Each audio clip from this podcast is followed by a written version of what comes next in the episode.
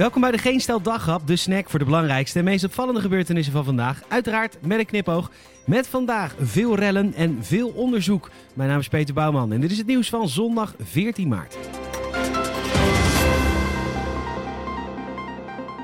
Rellen in Londen, rellen in Luik, rellen op het Museumplein en rellen op het Malieveld. Het is weer de dag des heren. In Londen verzamelden mensen zich vanwege de gruwelijke moord op de 33-jarige Sarah Everard. Maar het was te druk. In Luik was het Black Lives Matter, maar het was te druk. En in Nederland waren het de coronamaatregelen, maar het was te druk. Op deze drukke dag veel druk richting de politiek. De BBC meldt dat president Biden contact zoekt met Kim Jong-un van Noord-Korea, maar dat schijnt niet echt te lukken. We know your time is valuable. Thank you for holding. Someone will be with you as soon as possible. Dit is het Witte Huis. We zijn op zoek naar Kim Jong-un. Your call has been forwarded to an automatic voice message system.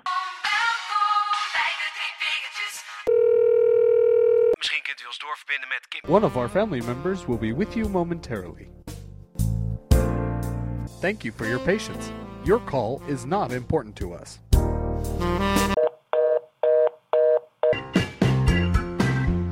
In de lockdown voor de wetenschap. In Frankrijk gaan ze dat proberen. En de VRT meldt dat 15 Fransen 40 dagen in een dampende grot worden gestopt. Puur als experiment. Het experiment is bedacht door een Frans-Zwitserse wetenschapper, Christian Claude. Hij wilde weten hoe mensen reageren als ze helemaal van de buitenwereld zijn afgesloten, zonder besef van tijd. De telefoons van zeven vrouwen en acht mannen worden in beslag genomen en op tablets zijn de klokken verwijderd. Ook is er op de 100 meter diepte geen licht te bekennen. En de vraag is dus hoe mensen en in het bijzonder hun hersenen daarop reageren. Ook de onderzoeker zelf gaat mee de grot in, nadat zijn Human Adaption Institute vorig jaar onderzoek deed naar de beleving van mensen in de lockdown. 40% van de ondervraagden zei zich daardoor gedesoriënteerd te voelen. Dat kan altijd erger, moet hij gedacht hebben. En er wordt vooral gekeken naar wat deze extreme omstandigheden doen voor de biologische klok en de zintuigen.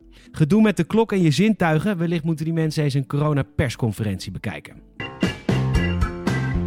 Wij hebben de Bible Belt. In Amerika hebben ze republikeins stemmende mannen. De helft daarvan wil zich niet laten vaccineren en dat is best een behoorlijk aandeel van het land. Hun equivalent van God is natuurlijk Donald Trump.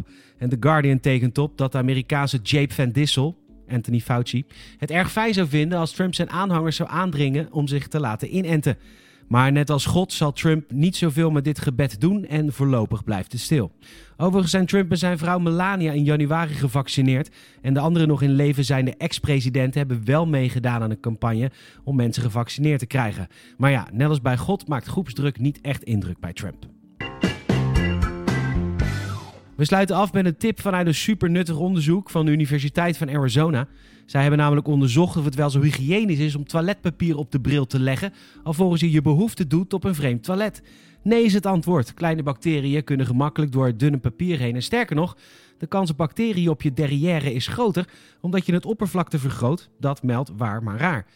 De kans dat je een infectie krijgt via een wc-bril is enorm klein. Alleen als je een wondje hebt, bestaat de kans daarop. De meeste bacteriën komen overigens vrij tijdens het doortrekken. Doe je dit met open bril, dan vult de ruimte zich direct met poep in aerosolvorm. En dat, zo weet Maurice de Hond, is natuurlijk het echte gevaar.